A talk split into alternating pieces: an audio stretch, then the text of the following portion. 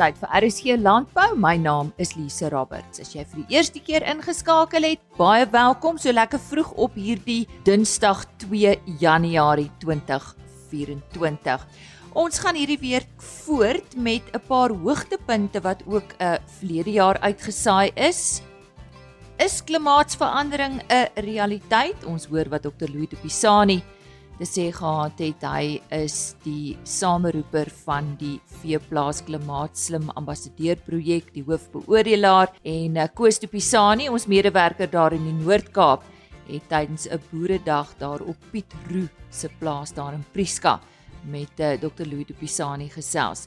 Dan was van Green en Boerdery op George in November verlede jaar aangewys as die kuilvoer koning vir 2023. Dit is die Santam Landbou Nasionale Kuilvoer Kompetisie. Ons hoor wat het Benny van Greenen te sê gehad nadat hy hierdie toekenning ontvang het. En dan het ons ook vlede jare luisteraars vraag ontvang oor die prys van vleis en die groot verskil tussen wat die produsent ontvang en wat die verbruiker betaal.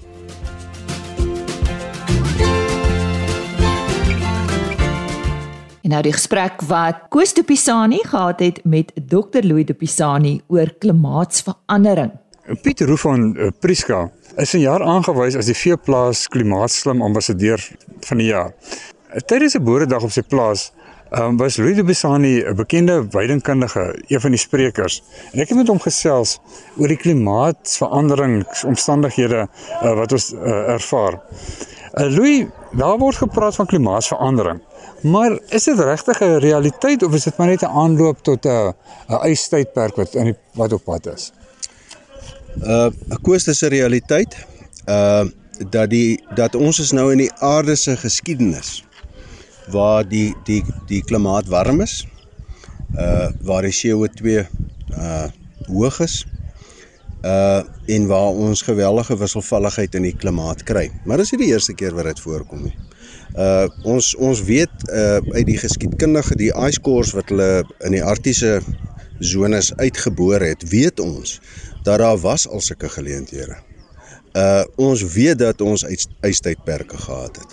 En ons het ook al warm periodes gehad het waar die ys gesmelt het. Uh en daai periodes is so omtrent 600 000 jaar lank. So hulle verdwyn nie vinnig nie en hulle ontstaan ook nie vinnig nie. Maar ons is op die oomblik in 'n historiese warm uh uh, uh tyd. So ons is ons is definitief nie in 'n ystydperk op die oomblik nie. Ons is in 'n historiese warm tyd.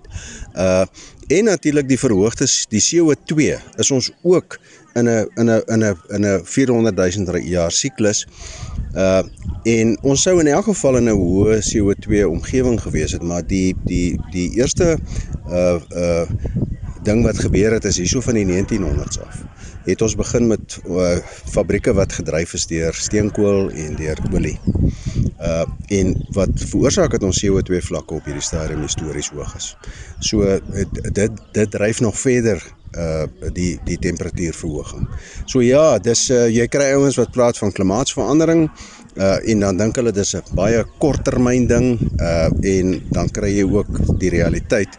Dis langtermyn siklusse en ons is nou in 'n langtermyn siklus van hoë temperature, hoë CO2 en wisselvalligheid.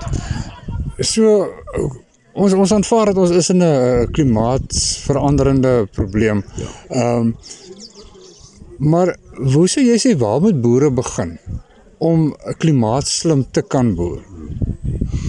Koos die groot probleem van boere wat nie klimaatslim boer nie is mense wat wag dat gebeurtenisse hulle hulle onkant vang. Ons weet dat Suid-Afrika ook hierdie siklusse het van nat periodes en droë periodes. Nou nou nou gelukkig is dit waar. En daarom moet jy in 'n nat siklus. Jy kry natuurlik droë jare in 'n nat siklus en jy kry nat jare in 'n droë siklus. Uh maar daarom moet jy wanneer jy in 'n nat siklus is, uh moet jy voorberei want jy weet een of ander tyd gaan jy 'n droogte 'n uh, droër siklus ingaan. Nou baie boere redeneer om te sê maar as ek nie weet wanneer ek in 'n droë siklus ingaan nie, kan ek nie vir hom beplan nie en dis mos nou 'n droër redenasie.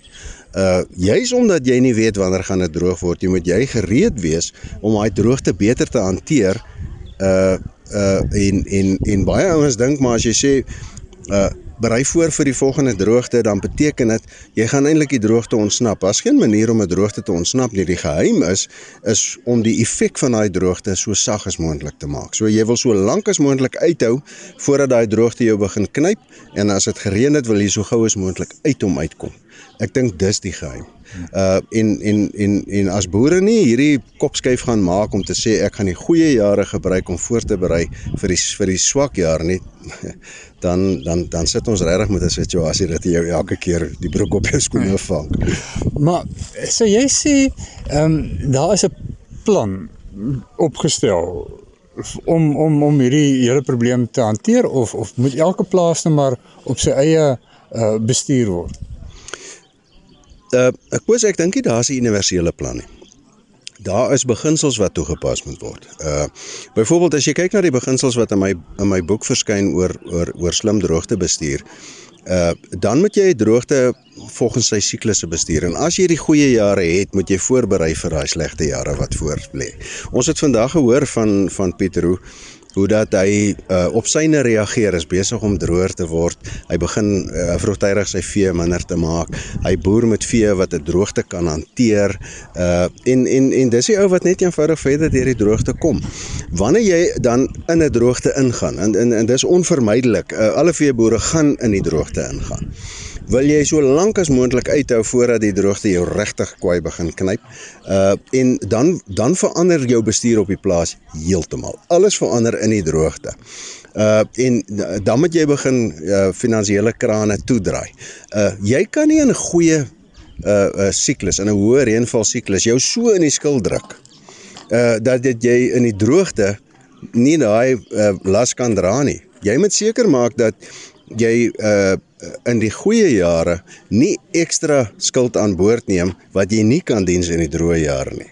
Uh want want want dan gaan daai daai skuld gaan gaan die probleem is nie die droogte nie, die skuld wat jy aangegaan het. So dis belangrik om hierdie goed vooruit te beplan en dan natuurlik as die droogte gebreek het is dit belangrik om so gou as moontlik uit daai droogte uit te kom sodat jy weer in jou uh jy moet deur daai herstelfase gaan maar dat jy so gou as moontlik weer in daai voorbereidingsfase kan kom want ons weet ons weet nie wanneer nie maar eendag ander tyd gaan dit weer droog word.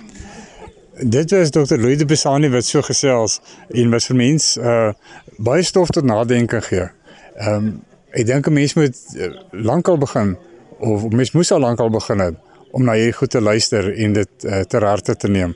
Ek is Koos de Pisani vir RC Landbou op Preska. Dankie Koos. Uh die veeplaas klimaatslim ambassadeur projek word in samewerking met uh, Dr. Louis de Pisani aangebied. Hy is 'n spesialis landboukonsultant en 'n kundige op die gebied van veldweiding, vee en boerdery-ekonomie. As jy nou eers ingeskakel het, goeiemôre. Jy luister na RSG Landbou baie welkom. Van Groen en Boerdery op George is verlede jaar aangewys as die algehele wenner van die 2023 Santam Landbou Nasionale Kuilvoer kompetisie. Daar was natuurlik verskeie kategorieë waarin kuilvoer produsente kon deelneem soos haver, mielie, sorghum, daar was ook 'n oop kategorie. Die van Groenens produseer mieliekuilvoer en ek het tydens hierdie geleentheid met Benny van Greenen oor hulle kuilvoer maak en hierdie prestasie gesels. Luister saam. Baie geluk. Hoe voel jy? Baie baie dankie. Ja, ek voel baie geëerd. Ek het dit glad nie verwag eintlik nie. Is dit die dis nie die eerste keer wat jy wen nie? Ja, ek dink in 2016, 17 het ek hom. Ja. Vertel ons van van Green en boerdery. Ek het gesê julle is daar op George. So wat produseer jy? Ons produseer hoofsaaklik melk. Ons doen ook 'n bietjie aardappels en ons doen ook blou bessies. Maar die melkery is waarvoor die kuilvoer is uh wat ons produseer so ja, dit is dit. En jy het vir my gesê jy maak kuilvoer van alles. Ja, ek maak eintlik van enige ding kuilvoer. Uh die is nou die mielie uh wat ek ingeskryf het. Die ander goed wat ons gebruik is gras.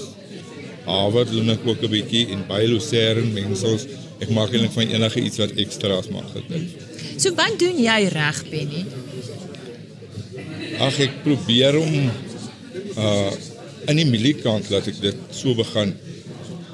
ons probeer om alles te meet. En dit is die ons evalueer kultivars, ons evalueer alles. My grondontledings word elke jaar gedoen so 'n mens kan nie iets goed doen as jy nie goeie inligting het nie. So inligting is vir my baie belangrik en ons meet alles. Ek dink dit het 'n bietjie 'n bydraende faktor. Maar ek wil baie graag sê um hierdie is nie my toekenning nie. Hierdie is my span se toekenning. Ek is maar net die ou voor aan die punt. Uh ek het 'n geweldige sterk span agter my en hierdie is eintlik hulle toekenning. Wat is die waarde van goeie kuilvoer vir jou boerdery? Vir ons boerdery is dit baie belangrik want ons melk eintlik hoofsaaklik van gras, so ons wy uh die meeste kos van die land af, maar in die wintermaande as die gras te min is wanneer die son te min skyn, dan moet ons ekstra voer gee. En dit help jy baie goeie gras en die tyd wat jy moet aanval dan het jy swak kwaliteit nie. So daarom is dit krities belangrik dat dit goeie kuilvoer is wat jy vir jou koeie gee. En jy het seker al terugvoer gekry oor jou 'n poging van jaar. Is daar iets wat jy gaan wil verander? Ja, gaas altyd baie om te verander na die kongres vandag. Is daar maar nog altyd 'n paar goed. My seun was hier saam met my gelukkig vandag en die jong generasie moet leer. So ek en hy sal nou al die goedjies wat ons dink wat ons nog kan verbeter, so ons probeer aan ander gee. En gaan jy volgende jaar weer inskryf? As ek dink ek het kuilvoer wat goed genoeg is, sal ek weer 'n kans hê. Ja. Kimmen was ook eh, die mense wat jou ingeskryf het. Watter waarde het hulle vir jou gebring? Hulle het 'n baie groot waarde vir ons. Hulle help my met ontledings van my kuilvoer. Hulle help my regtig om uit die boks uit ook te dink aan inokulante in sekere tye van die jaar wanneer ons baie nat gras maak. Dan is dit ook nogal om die Engelse woord te gebruik 'n groot challenge. En dan dink hulle 'n bietjie uit die boks uit en help my 'n bietjie om dit ook te verbeter. So hulle het 'n baie groot waarde en ons gebruik hulle ook in die voere wat ons in die stal gebruik, gebruik ons ook van hulle produkte. Om in te skryf vir 'n kompetisie soos hierdie, is dit vir jou die moeite werd? Wat dit vir my die moeite werd maak is om aan die een kant daarom op te weet dat ek kompeterend goeie kuilvoer kan maak, dat ek nie 'n gemors maak sonder dat ek dit weet nie. 'n Mens sien dit altyd in die melkproduksie, maar mense wil as jy dit kan meet waar net te begin het, ek wil graag al meet. So dit is ook 'n meetinstrument wat iemand ontwikkel het wat Prof Meeske in Riga ontwikkel het om vir ons boere dit te meet. Uh om dat ons weet hoe goed is ons kuilvoer of hoe, hoe sleg is ons kuilvoer en waar daai meetinstrument van hulle sê ook vir jou waar het jy gefaal? Het jy te swak gekompakteer of het jy te vroeg gesny of het jy wat ook al. So ek dink dit het 'n baie groot waarde.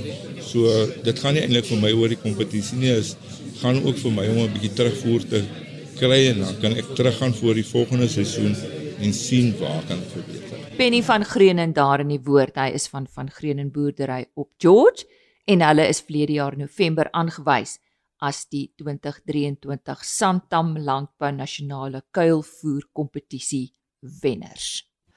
Ons luister nou eers na 'n nog gesprek wat eh, Koos de Pisani verlede jaar gehad het en hierdie keer met 'n bekende.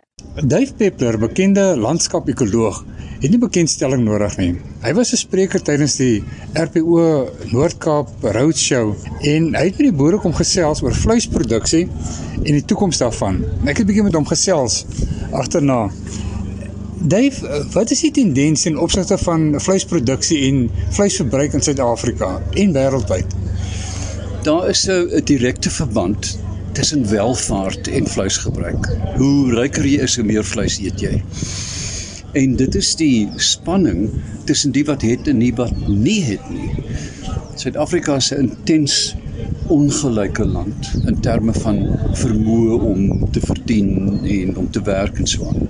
Met ander woorde, die vleismark word al hoe meer as elitisties gesien. Dit is nie vir die gewone arm mens nie en daar lê 'n probleem dat uh, dit, dit baie moeilik omkeerbaar is. Jy eers gewoond is jy eet 3 maal 'n week vleis of 5 maal 'n week, dan uh, bly jy daarby. En wat wat intussen met die met die aarde gebeur en met die ekologie raak jou eintlik nie. En dit is die tragiese. Uh, 'n Mens kan nie skuldig voel oor elke koeldrank wat jy drink nie, want dan gaan jy ophou eet. Maar ek dink tog ons moet begin om ons dade te bedink. Alles wat ons doen, vandat jy opstaan totdat jy gaan lê in die aand, het 'n direkte impak op die omgewing. Gaan jy werk toe met jou fiets of met jou motor? Gaan jy jou kinders na skool toe stap? Ek ek weet van die gevare. Kom ons praat net hipoteties. Daar is keuses in byna elke ding wat jy elke dag doen met 'n direkte verband of 'n direkte effek op die natuur en dis hoekom ek oor chaos gepraat het eintlik. Dat alhoewel die wêreld vir ons chaoties lyk, is daar onderliggende deep. Rekeningkunde daar's wiskunde onderaan wat sê as jy dit doen, gaan dat gebeur. En ons is besig om goed te doen wat effekte het wat ons nie kan verduidelik of verstaan nie, want dit is so groot. Dit is suiwer chaos. Dit is werklik gebaseer op chaos teorie. Maar as ons nou kyk na na vleisproduksie, kom ons sê nou maar vleisproduksie in Suid-Afrika. Ehm um, as mense dan minder vleis eet, bedreig dit nie die vleisproduksie nie of dink jy nie mense sal ophou vleis eet nie? Natuurlik gaan nou nooit. Ek gaan nie ophou vleis eet nie. Ek sê dit rondborstig, jy weet, ek is te gesetel in my kultuur.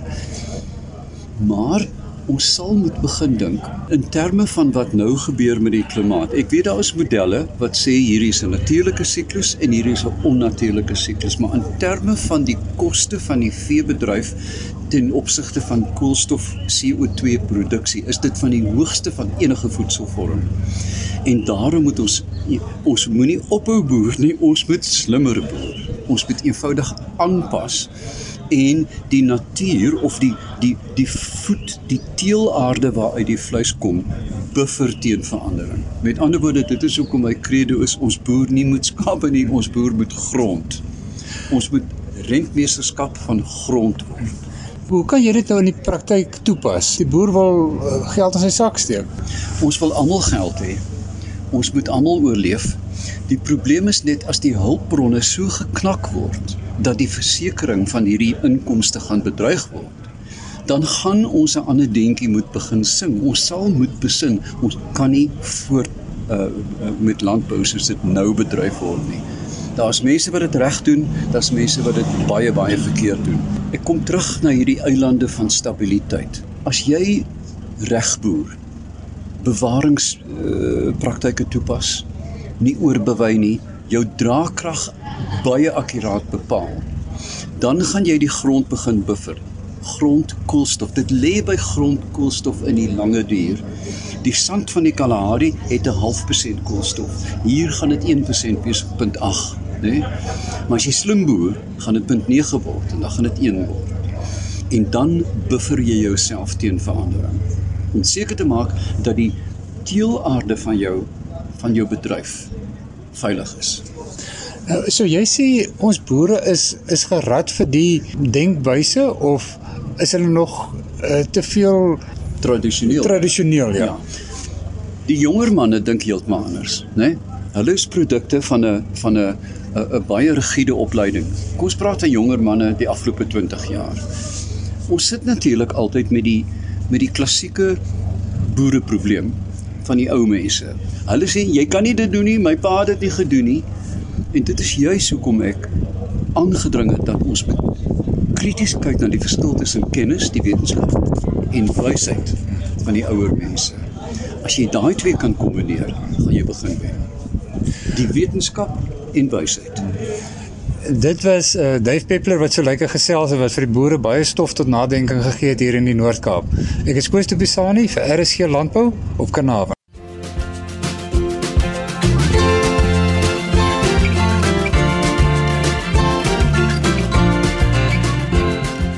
Soos ek genoem het, het ek 'n navraag van 'n luisteraar ontvang. Die luisteraar is daar van die Clarence omgewing in die Vrystaat. Hy sê: "Ek kan nie begryp hoe dit moontlik is dat lamppryse op veilinge hier rondom die R40 dobber, maar dat ek R154 'n kilogram moet betaal by 'n winkel." Hoe gebeur dit dat die prys met meer as R100 per kilogram styg tussen die hoef en die bord? Ons het vir professor Frikkie Marie, hy is hoof van die departement landbou-ekonomie by Universiteit van die Vrystaat gevra om hierdie vraag te beantwoord. Môre luisteraars, aangaande die vraag wat Lise nou gestel het, is daar 'n paar faktore wat ons in ag moet neem tussen die veilingprys van lam in hierdie geval en dan die winkelprys van lam. Die eerste is dat die lamprys, die veilingpryse gewoonlik op stoorlammers is. Nou stoorlammers is 'n gespeende lam wat nog voor kraal toe moet gaan. Die ding is daai pryse is op lewendige gewig, so die lam wanneer hy voor kraal toe gaan weeg sê nou maar tussen 25 en 30 kg en dan moet hy nog gevoer word tot 'n lewendige gewig van ongeveer ongeveer um 40 kg so 36 tot 40 kg voordat hy geslag word wat dan 'n klomp kostes bysit.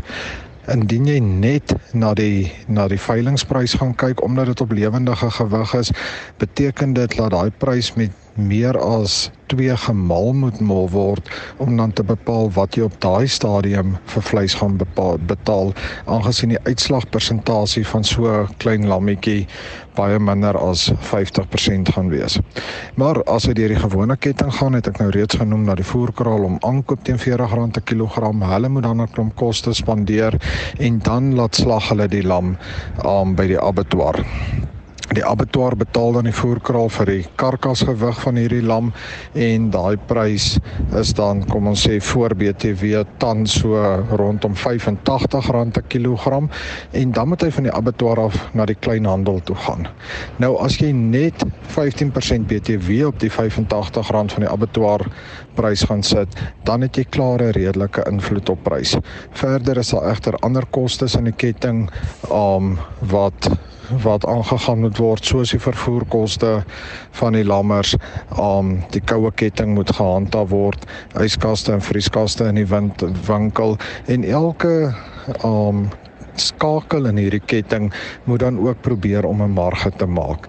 So die prysverskil tussen 'n uh, klein lammetjie, 'n stoorlam wat nog gevoer moet word en dan dit wat jy in die winkel bepaal, betaal is baie realisties. Um daar's nie regtig snaakse goed in die ketting wat aan die gang is nie.